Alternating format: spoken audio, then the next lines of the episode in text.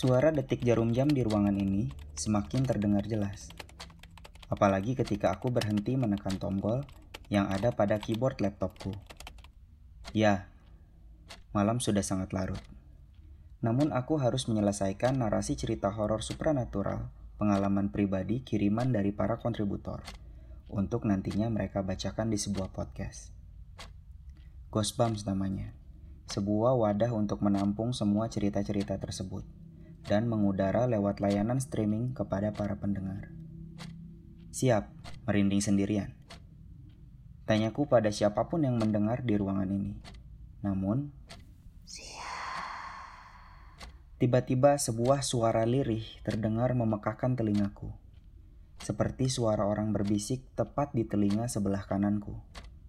Sekarang aku merinding, sendirian. Sungguh, tidak ada siapa pun di ruangan ini. Segera aku sudahi narasinya. Kusimpan dokumennya, lalu kututup laptopku. Namun, tiba-tiba ku dengar suara dering notifikasi pesan di HP-ku. Kuambil HP itu. Ada sebuah pesan masuk yang bertuliskan, Selamat mendengarkan.